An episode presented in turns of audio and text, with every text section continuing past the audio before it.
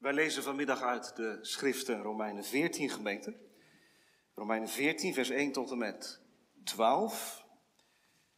Het is mijn bedoeling om een paar keer in de komende maanden, laat ik het heel breed nemen, uh, stil te staan bij dit hoofdstuk. En ook hoofdstuk 15 hoort daarbij. Dat is eigenlijk de uitwerking van de hoofdstukken die we denk ik vooral kennen als we denken aan de brief aan de Romeinen. De rechtvaardiging door het geloof, de heiliging, Romeinen 8, Romeinen 9 tot 11, Israël. En dan 12, 13, 14, 15, 16, dat is eigenlijk de praktische uitwerking van het leven vanuit de rechtvaardiging door het geloof. En vanmiddag dus Romeinen 14, vers 1 tot en met 12, toegespitst op het thema gemeente zijn, eenheid in verscheidenheid. Dat klinkt natuurlijk heel mooi, maar wat is dat? En uh, hoe doe je dat? Hoe moet dat? Hoe gaat dat? Hoe kan dat? Romeinen 14, vers 1 tot en met 12. Aanvaard dan wie zwak is in het geloof, maar niet om over meningsverschillen te strijden. De een gelooft wel dat hij alles eten mag, maar wie zwak is, eet plantaardig voedsel.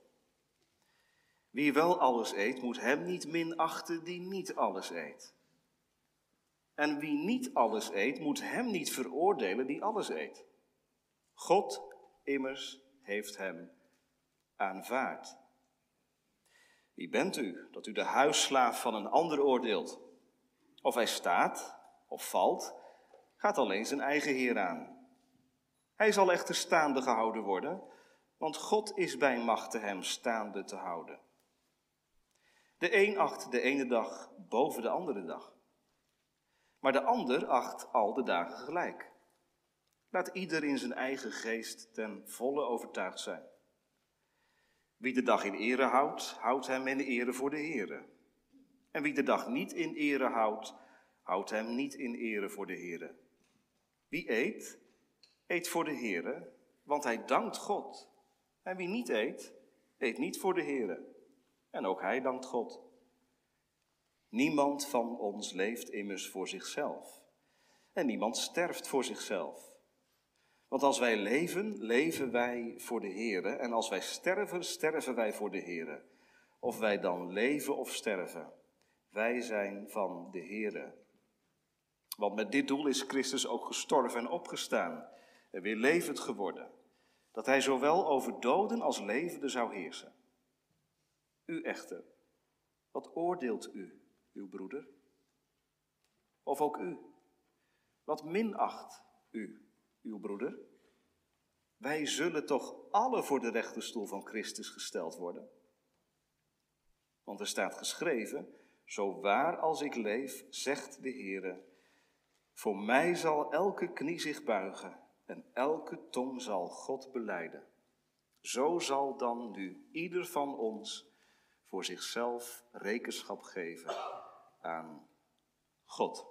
Boven de preek staat geschreven in de gemeente van Christus. Daar zijn wij dan lokaal een onderdeel van. En die gemeente is natuurlijk veel groter dan deze gemeente. Die is wereldwijd. In de gemeente van Christus al hier zijn wij geroepen tot aanvaarding van elkaar. En dat woord aanvaarden, dat is een kernwoord vanuit Romeinen 14. We struikelen erover hè, als we het hoofdstuk gaan lezen. Vers 1, aanvaard dan, en het komt nog een paar keer terug, ook in hoofdstuk 15. In de gemeente van Christus zijn wij geroepen tot aanvaarding van elkaar. En die aanvaarding die vindt plaats ten eerste in de diversiteit die hoort bij het gemeente zijn. dat kun je positief vinden, je kunt het uh, helemaal niks vinden, maar het is een gegeven. Het hoort erbij. Ik zal u dat laten zien straks. In de diversiteit die hoort bij het gemeente zijn. In de tweede plaats, ja, het is niet iets wat wij eventjes gaan doen met elkaar of zo. Het is alleen mogelijk vanuit de geloofsverbondenheid met Christus. Romeinen 14, anders gezegd, staat niet los van het voorgaande. Het is een uitvloeisel van de rechtvaardiging door het geloof. Aanvaard te zijn als goddeloze door God. En dan tot slot het vindt ook plaats in de verwachting van Gods oordeel. Het is dus niet om het even hoe wij met elkaar omgaan in de gemeente. Het oordeel van God, dat komt eraan. Daar eindigt Paulus mee in het gedeelte wat we samen gelezen hebben. En hij citeert zelfs het Oude Testament, Isaiah 45, om dat te onderstrepen. Alle knie zal zich buigen voor mij, elke tong zal God beleiden. In de gemeente van Christus zijn wij geroepen tot aanvaarding van elkaar. Allereerst in de diversiteit die hoort bij het gemeente zijn. Gemeente, verschillen.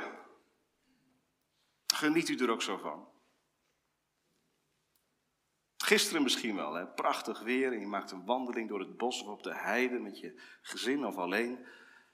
Wat een genot, al die kleuren, al die verschillen, die diversiteit. Wat is de schepper geweldig creatief geweest. Stel nou, jongen, mensen, dat hij in zwart-wit tinten alles had gemaakt. Ja, zo is God niet.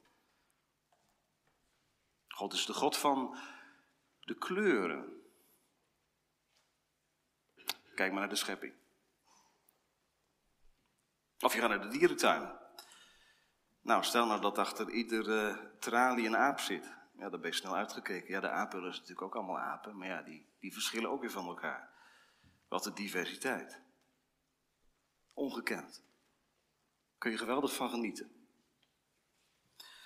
Maar ja, het wordt natuurlijk ingewikkeld als het gaat om mensen. Denk even aan de samenleving waar we ons in bevinden. Zoveel hoofden, zoveel meningen. En we weten het nog wel, in coronatijd. 17, 18 miljoen mensen gingen zich bij wijze van spreken bezighouden met het coronabeleid. De een zegt veel te strak, de ander zegt veel te slap. En de diversiteit van meningen daartussenin. Nou, er zijn heel veel discussies geweest, misschien ook wel in de familie. Diversiteit, verschil, ingewikkeld, lastig, moeilijk. Dan kunnen we de samenleving zeggen, en dat wordt natuurlijk ook gezegd door politici, laten we elkaar vrijlaten. Iedereen heeft zijn eigen mening, we zijn een tolerant land, we gaan elkaars mening niet opdringen, wees een beetje lief voor elkaar, geef elkaar ruimte. Ja, dat klinkt mooi. Maar ja, zo werkt het ook weer niet. Want voor je het weet trek je jezelf terug in de bunker van je eigen gelijk. Vind je toch dat je gelijk hebt. En dan zijn al die andere mensen verkeerd, abuis. En in de kerk dan, in de gemeente? Verschillen. Vindt u het mooi? Vindt u het fijn dat er zoveel diversiteit is in deze gemeente? Vindt u het positief?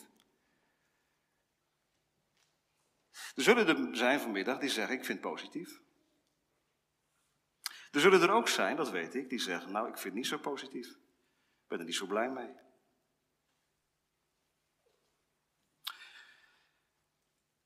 Maar het hoort erbij. Verschillen, ze zijn er in iedere gemeente. Ook in Elspet hoor en ook in Garderen. Al lijkt het daar misschien eenvormiger. Verschillen zijn er overal. Zet drie mensen bij elkaar. En je hebt drie verschillende meningen over een onderwerp. Het helpt misschien ook wel hè, als we bedenken dat het Nieuwe Testament, al die gemeenten die aangeschreven worden, de gemeente van Eversen, de gemeente van de Galaten, van Korinthe, van Rome, dat het allemaal gemeenten zijn waarin verschillen zijn. Verschillen van mening, verschillen van inzicht, verschillen van achtergrond. En zeker de jonge christelijke gemeente van Rome, in die multiculti-stad, die smeltkroes van allerlei beschavingen, dat werkt door in de gemeente. Want ja, hoe dan ook, je bakermat neem je toch mee als je gaat behoren tot de christelijke gemeente.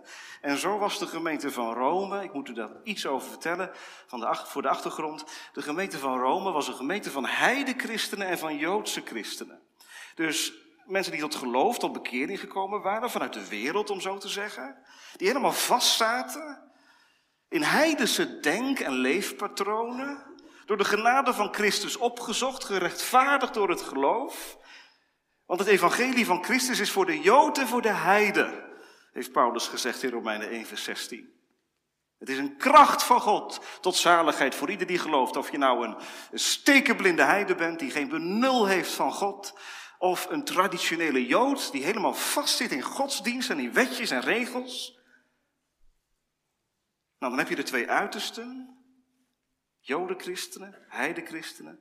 En dan ook nog eens uit alle lagen van de samenleving. Er waren uh, rijke mensen, arme mensen, jongeren, ouderen. En met elkaar is er iets ontstaan. Daar heeft God zelf voor gezorgd. Er ontstond een gemeente in die grote stad. En het cirkelde voor iedereen rond hetzelfde. Wij zijn met Christus opgewekt. Met hem gestorven en met hem opgewekt.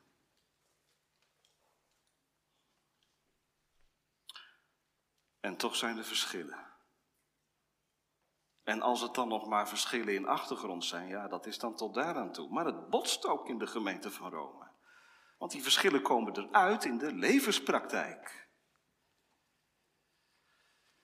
Ik zal u daar straks nog iets meer over zeggen.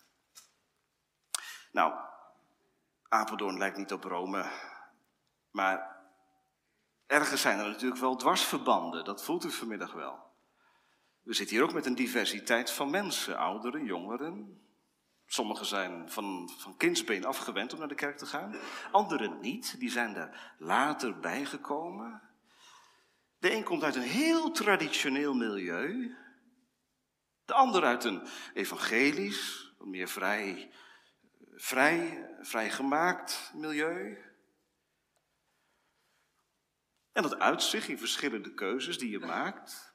Levensstijl, kleding, Zondagsinvulling, mediagebruik.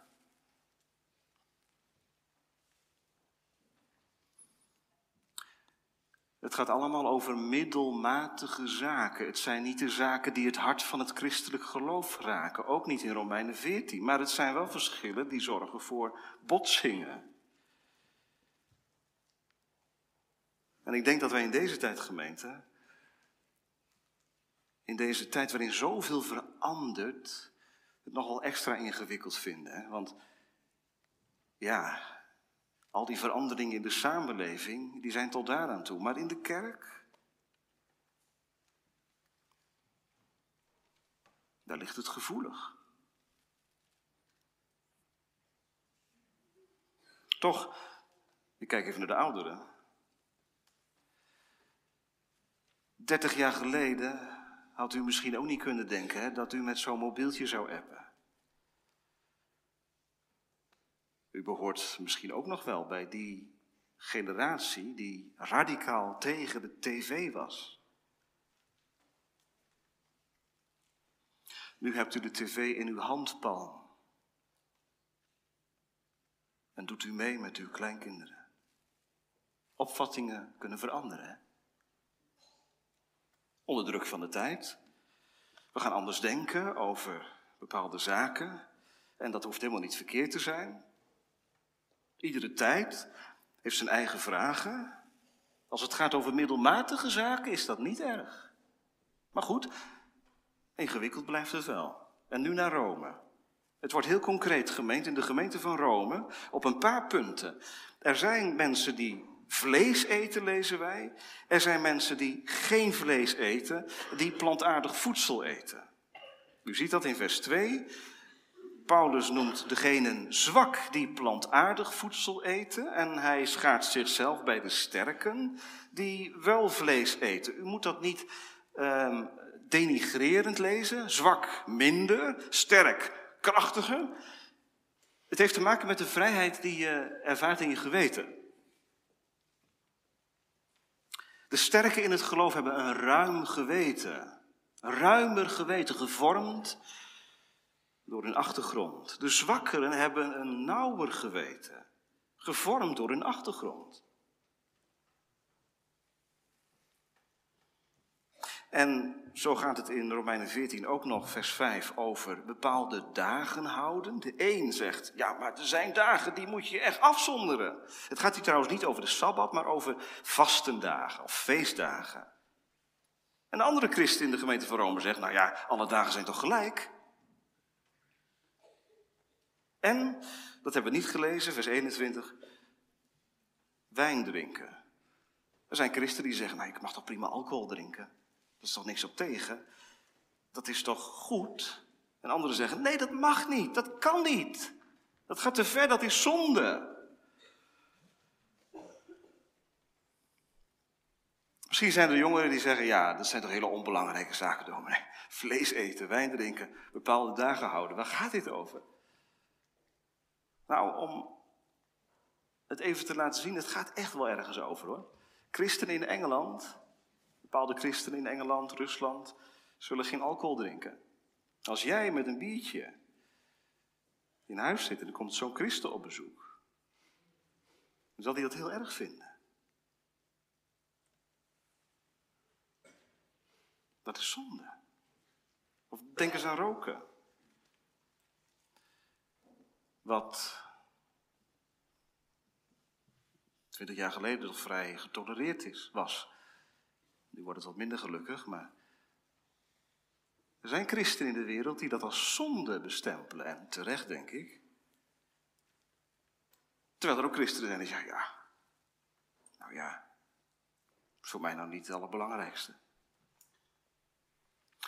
Zijn dit onbelangrijke dingen, gemeente? Nee, voor deze christen in Rome zijn het hele belangrijke, noodzakelijke dingen. Ze horen bij de bekering, ze horen bij het leven met de Heer. Dat bestaat niet dat je dan vlees kunt eten.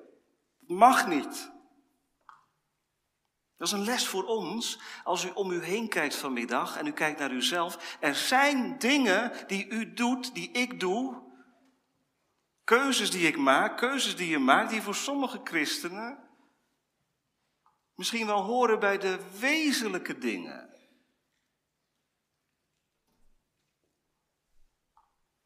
Dat is een gegeven. Nou, terug naar Rome. De ene groep zei: We staan in de vrijheid en wij mogen eten en drinken wat wij willen. Het is de vrijheid van een kind van God. Anderen zeiden nee. God vraagt om een eerbiedig leven. En daar hoort bij dat je sommige dingen niet eet en wijn niet drinkt en bepaalde dagen wel in ere houdt. Weet u wat nou zo mooi is voor Romeinen 14? Paulus zegt niet het een is fout of het ander is goed. Kijk eens in vers 6. Wie de dag in ere houdt, houdt hem in ere voor de Heer, zegt Paulus. En wie de dag niet in ere houdt, houdt hem niet in ere voor de Heer. Wie eet, eet voor de Heer, want hij dankt God. En wie niet eet, eet niet voor de Heer. En ook hij dankt God. Dat er verschil van mening is, gemeente, is niet erg. Is ook geen zonde. Paulus verbindt geen waardeoordeel dan moet u ook niet horen in dat woordje zwak of zo. Kijk, als je aan Paulus vraagt aan welke kant sta jij dan, Paulus, dan zegt hij: Ik hoor bij de sterke. Vers 5, uh, hoofdstuk 15, vers 1. Wij die sterk zijn. Maar we hebben een taak, zegt Paulus. We zijn verplicht om de zwakheden van hen die niet sterk zijn te dragen. En niet onszelf te behagen. Zo van iedereen moet maar denken zoals ik denk. Waarom schrijft Paulus eigenlijk dit hoofdstuk? Kunnen we niet tegen elkaar zeggen, nou je moet elkaar een beetje vrij laten? Nee, dat zou nonchalant zijn. Paulus besteedt er nota bene twee hoofdstukken aan.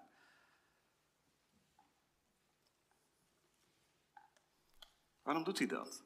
Omdat verschil van mening niet hoeft te leiden tot uit elkaar drijven tot partijvorming, maar het kan wel leiden tot partijvorming, tot groepsvorming. En dat gebeurde ook in Rome.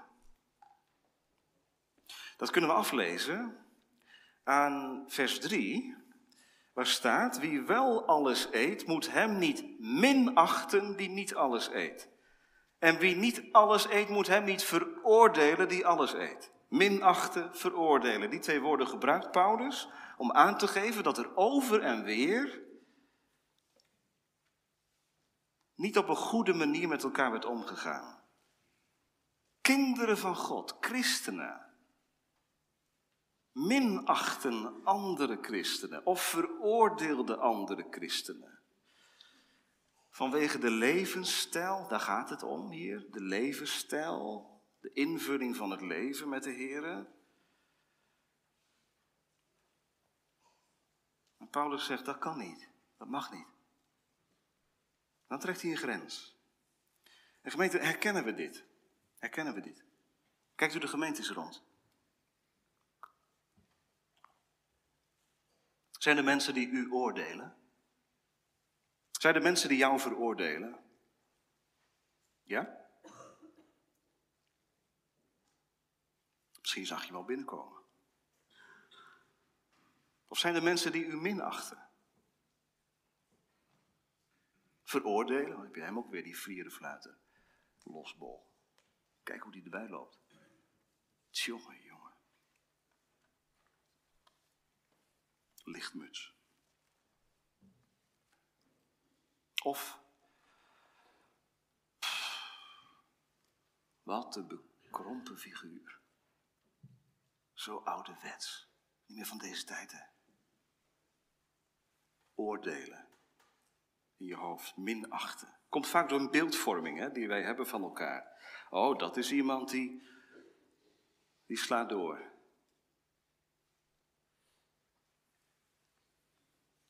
Dat is iemand die zit helemaal vast in tradities. Wij kunnen natuurlijk hele stevige oordelen over elkaar hebben, maar de vraag is, hebben we elkaar ooit in de ogen gekeken? Weten wij waarom iemand komt tot een dergelijke keuze in zijn leven? Weten wij waarom sterke christenen, die zwakke christenen, geen vlees willen eten? Ja, als u blijft in de modus van veroordelen of van minachten, komt u niet bij elkaar. Dan gaat u uitsluiten. Dan gaat u negeren. En misschien gebeurt dat ook wel. Hè? Moeten we echt voor waken, gemeente. Uitsluiten is niet alleen dat je iemand huid vol scheldt, maar uitsluiten is ook dat je iemand negeert. Dat je hem niet meer de aandacht geeft die hij verdient. Omdat hij hoort ook bij de gemeente van Christus. Nou zegt iemand, ik ben wel benieuwd wat Paulus nu gaat doen. Paulus, optreden man. Stelling innemen. Wat vind jij hiervan? Waar sta jij? Onze tweede gedachte. In de gemeente van Christus zijn wij geroepen om elkaar te aanvaarden in geloofsverbondenheid met Christus. Paulus slaat hij met de vuist op tafel en zegt hij, stelletje zwakkelingen, jullie zitten vast in die tradities, doe niet zo moeilijk. Christus is gestorven voor je, dan hoef je je toch niet vast te houden aan de oud-testamentische wetten. Sta in de vrijheid. Ja, dat zegt hij tegen de gemeente van de Galaten. Dat zegt hij hier niet.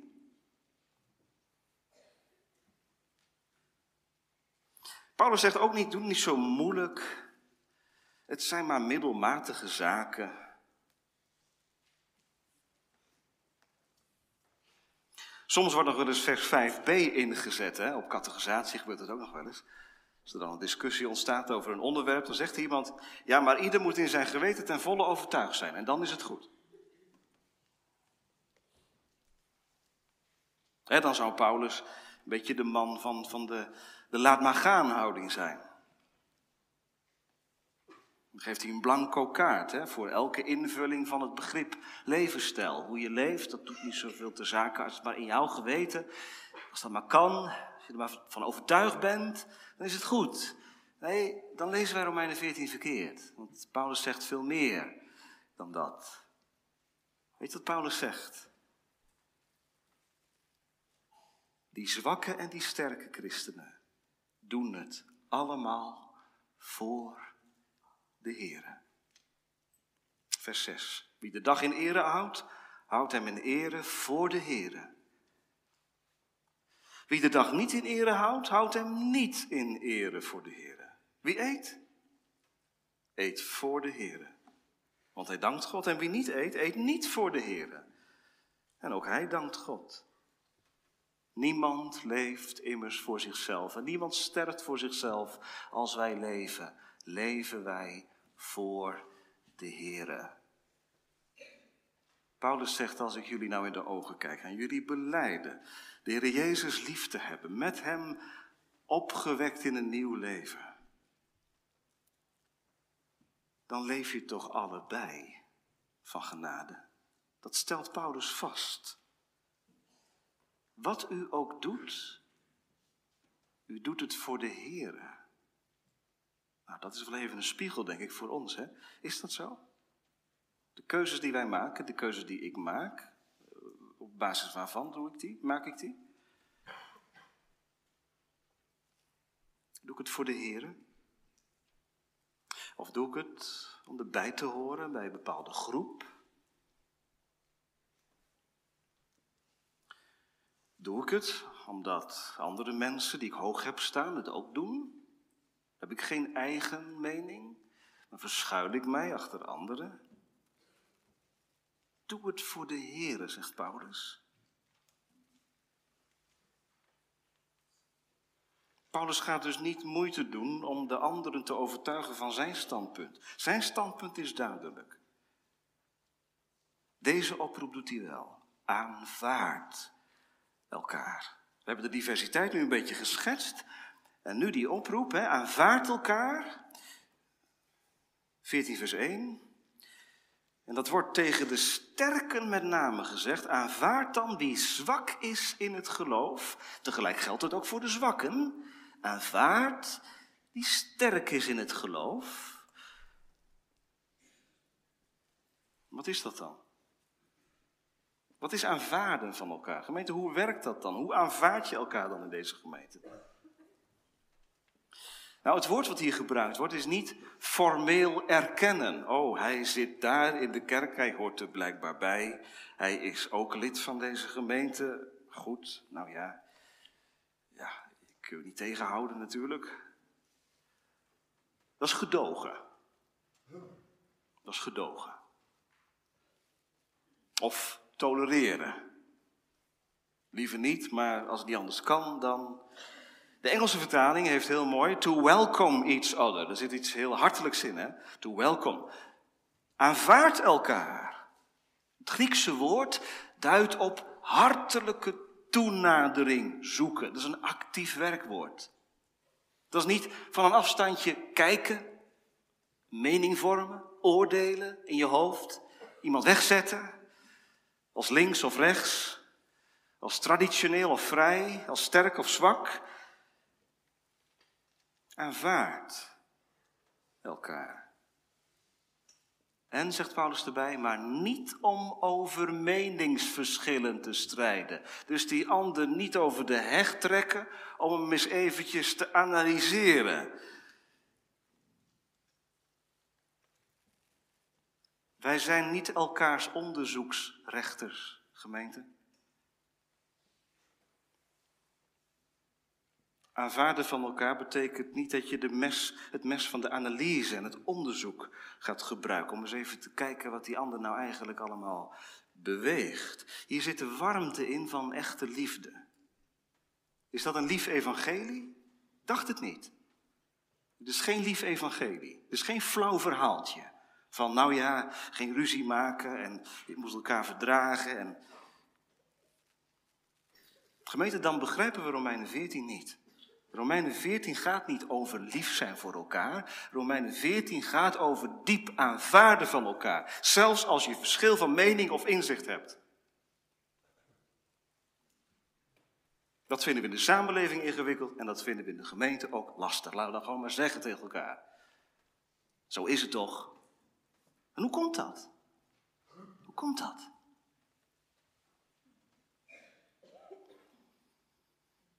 Omdat wij Romeinen 14 goed, staat dan in de Bijbel, maar vaak op zichzelf lezen. Ik heb al gezegd, Romeinen 14 volgt op een aantal andere hoofdstukken.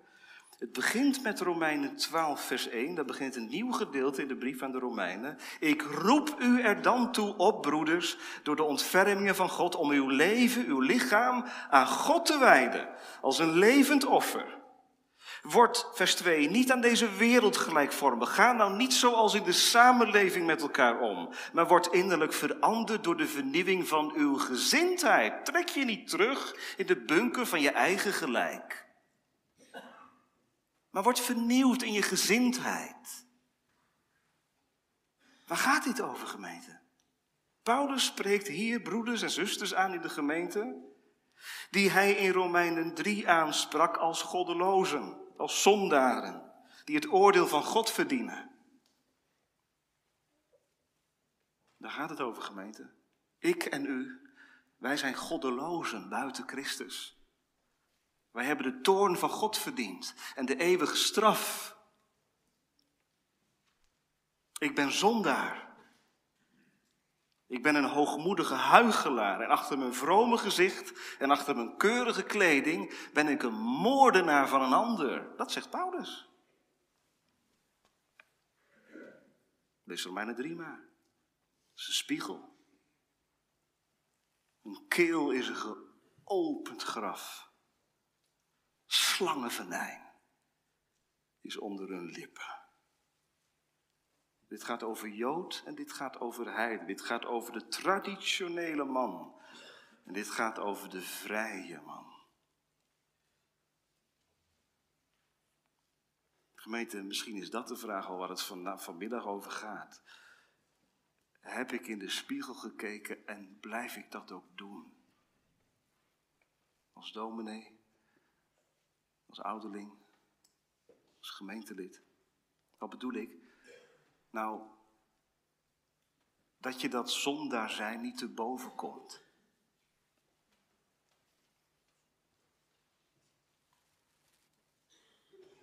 Heb ik geleerd om niet alleen met mijn zonde naar het kruis te vluchten. Maar is het wonder ook, Christus is te zijne tijd voor de goddelozen voor mij gestorven. Hij heeft mij aanvaard. Heeft mij aanvaard. Geaccepteerd. Hoe dan, Paulus? Omdat Christus in mijn plaats voor het aangezicht van God stond en de zonde van mij op zich nam. En zo ziet God door Christus mij. Dat is het geheim van de rechtvaardiging door het geloof. Door het geloof ben ik het deelgenoot van, zegt Paulus. Hij ziet geen zonde meer in mij. Maar ik kom wel zonde in me tegen. Romeinen 7, ook dat staat in Romeinen. Ik ellendig mens, wie zal mij verlossen uit het lichaam van deze dood? Dat groeien niet te boven. En tegelijk mag je daar ook weer geen schild van maken om je achter te verschuilen. Er zijn ook christenen die eindigen bij Romeinen 7. Maar er staat ook nog Romeinen 8 in de Bijbel. Het leven door de Heilige Geest. Daar gaat dit over. Romeinen 14 heeft te maken met het leven van de heiliging. Dus ja, alleen vanuit de geloofsverbondenheid met Christus, gemeente, kan het aanvaarden van elkaar.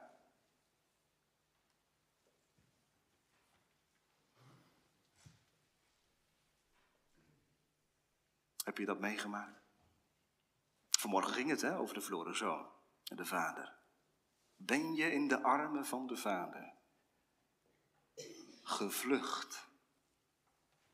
En heb je ontdekt dat je met alles wat tegen je getuigt, met de toorn van God die verdiend is, nochtans genade ontvangen hebt. Als je daarvan leeft, gemeente, dan word je ook heel kritisch op jezelf en ook wat milder voor de ander. Want je hebt nog zoveel te stellen met jezelf. Weet u, het leven uit het geloof, het leven door genade, dat laat mij zien dat ik geen haar beter ben dan mijn andere broeder of zuster. Al maakt hij andere keuzes, Ik behandel hem vanuit het oordeel der liefde. Als iemand beleidt in deze gemeente Christus lief te hebben, hij heeft beleidenis van het geloof afgelegd, hij gaat aan het avondmaal, dan houd ik hem voor mijn medebroeder, mijn medezuster. Hij is een gelovig kind van God. En dan zegt Paulus niet, nou dan moet je met de ander omgaan zoals jij wilt dat er met jou omgegaan wordt. Nee, ga met de ander om zoals God met jou is omgegaan. Dat is diep. God had mij kunnen wegschuiven, wegdoen. Maar om Christus wil aanvaarde hij mij. En dat ging werkelijk niet over middelmatige zaken, gemeente. Het ging over leven of dood. Aanvaard de ander. Ziet u dat dat woord aanvaarden opkomt vanuit het evangelie?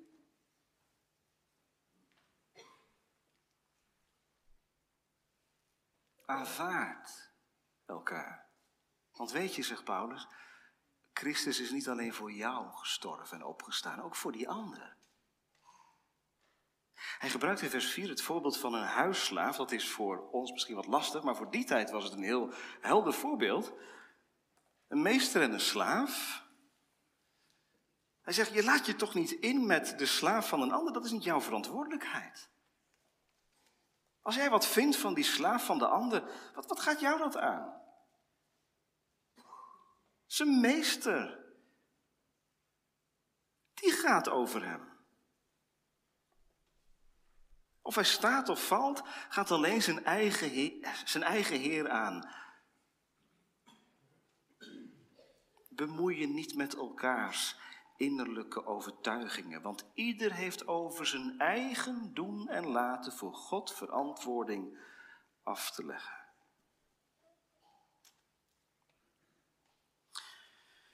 Ja, wel mooi, zegt iemand, maar waarom gaat het dan toch zo vaak mis tussen christenen in de kerk, in de gemeente? Omdat wij gemeente aanvaarding niet verstaan vanuit het evangelie. Aanvaarden, dat is geen formeel woord.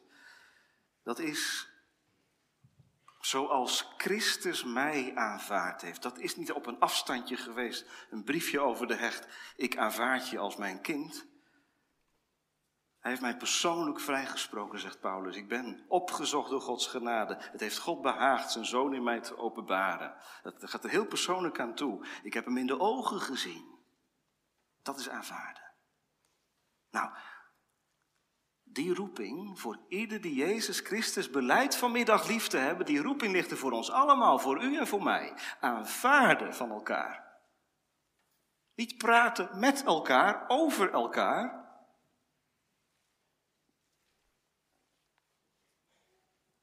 Want wat weten we nu van elkaar, gemeente? Gaat er niet in mee. Het praten over elkaar. Ook niet als u vindt dat u een terechte zorg deelt over iemand. Bedenk, zou de ander erbij mogen zijn? In wat ik zeg over de ander.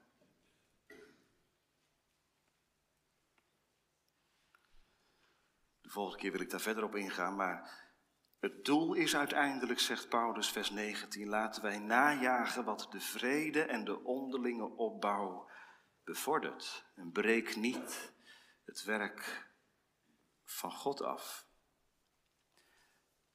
Dan is er nog één motief, gemeente, tot slot. Waarom wij, aan, waarom wij elkaar hebben te aanvaarden. Dat is het laatste in de verwachting van Gods oordeel. Daar loopt dit hoofdstuk op uit. Waarom doet Paulus een appel op verdraagzaamheid? Omdat, zegt hij, wij leven onder de ogen van God. Kijk maar in vers 7 tot 9. Niemand van ons leeft immers voor zichzelf. Niemand sterft voor zichzelf. Als wij leven, leven wij voor de Heer. Als wij sterven, sterven wij voor de Heer. Of wij dan leven of sterven, wij zijn van de Heer. Ik ben van Hem, zegt Paulus. Eén is mijn meester. Ik ben niet afhankelijk van mensen. Ook niet van meningen van mensen. Dat gaf Paulus de vrijheid om in zijn tijd tegen de heersende stroom van onbijbelse opvattingen in te gaan. Over seksualiteit, over huwelijkstrouw, over relaties. Maar, zegt Paulus, het heeft ook alles te maken met hoe je met elkaar omgaat in de gemeente. Als hij het voor het zeggen heeft, over jou en over die ander, dan moet ik het afleren om de scepter te zwaaien over het geweten van de ander. Elkaar te keuren, te bekritiseren, bezig te zijn met anderen in mijn hoofd en daar zuurd van te worden en bitter van te worden. U kent het spreekwoord toch, hè? wie in eens anders tuintje wiet, die ziet het onkruid bij zichzelf niet. Ja, het is niet zo, hand, eh, niet zo fijn om in andermans tuin te gaan wieden. Dan zie je je eigen tuin voorbij. Lieve broeders, lieve zusters, zegt Paulus, bedenk, je staat straks voor de troon. Je staat voor de rechterstoel van Christus. En dan komt de climax, vers 10. Wat oordeel je je broeder? Wat minacht je je broeder? Wij zullen toch alle voor de rechterstoel van Christus gesteld worden? Daar staan we straks, gemeente. U en ik, we staan er allemaal. Met onze mening. Ik met mijn mening, u met uw mening. Ik met mijn overtuiging, jij met jouw overtuiging. En dan staan we voor de troon van de Almachtige. En dan worden we ter verantwoording geroepen. En dan, zegt Paulus, zal ieder van ons rekenschap moeten afleggen aan God, vers 12. Heel persoonlijk. Vandaar ook het citaat uit Jezaja 45, in vers 11. Om te onderstrepen dat het er heel persoonlijk aan toe gaat. Zo waar als ik leef, zegt de Heer, voor mij zal elke knie zich buigen, elke tong zal God beleiden. Paulus past dit toe op de gemeente. In Jezaja gaat het over de wereld, maar hier gaat het over de gemeente van Christus. Dan kun je niet verschuilen achter, ja, maar ik was die groep toegedaan. Of nee, ik hoorde bij die groep. Als we voor de Here geleefd hebben, zullen we behouden worden met de keuzes die we maakten.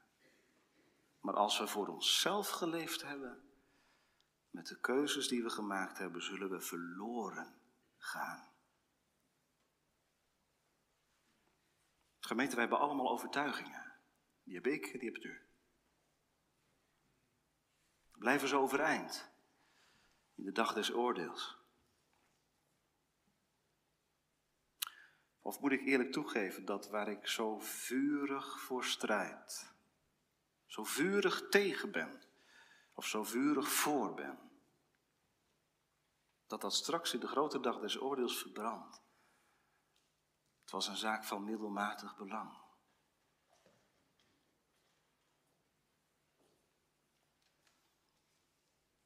God is de oordeler van onze gedachten en van de overleggingen van ons hart. Mag je dan geen mening meer hebben? Jawel, dat zegt Paulus ook niet, dat dat niet mag. Je mag je mening houden.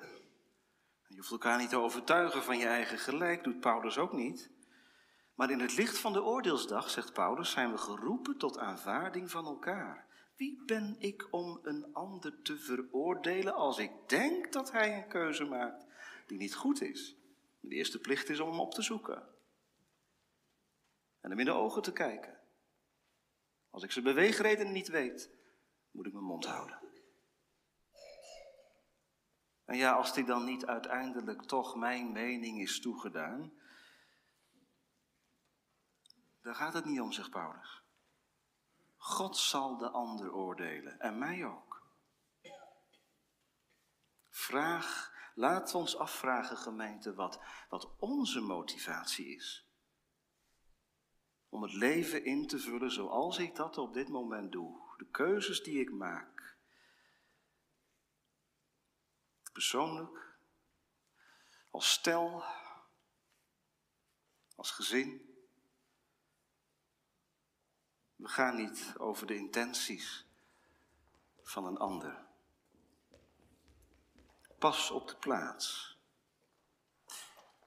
Ja en nee.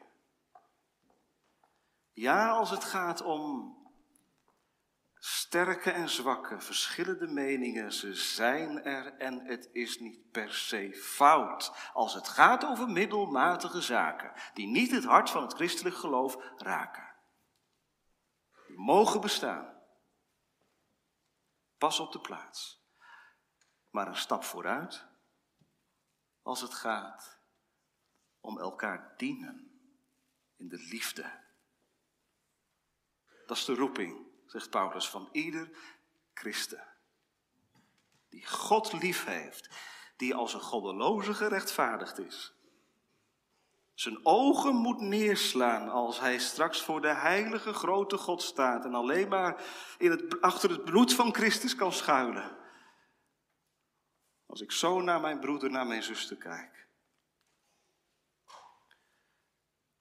dan leer ik hem, haar lief te hebben. Dat is de roeping. En daar eindig ik mee. Romeinen 13, vers 8. Wat zijn we elkaar verplicht, gemeente? Wees niemand iets schuldig dan elkaar lief te hebben. Want wie de ander lief heeft, heeft de wet vervuld. De liefde doet de naaste geen kwaad. Daarom is de liefde de vervulling van de wet. En laten we vooral ook zingen.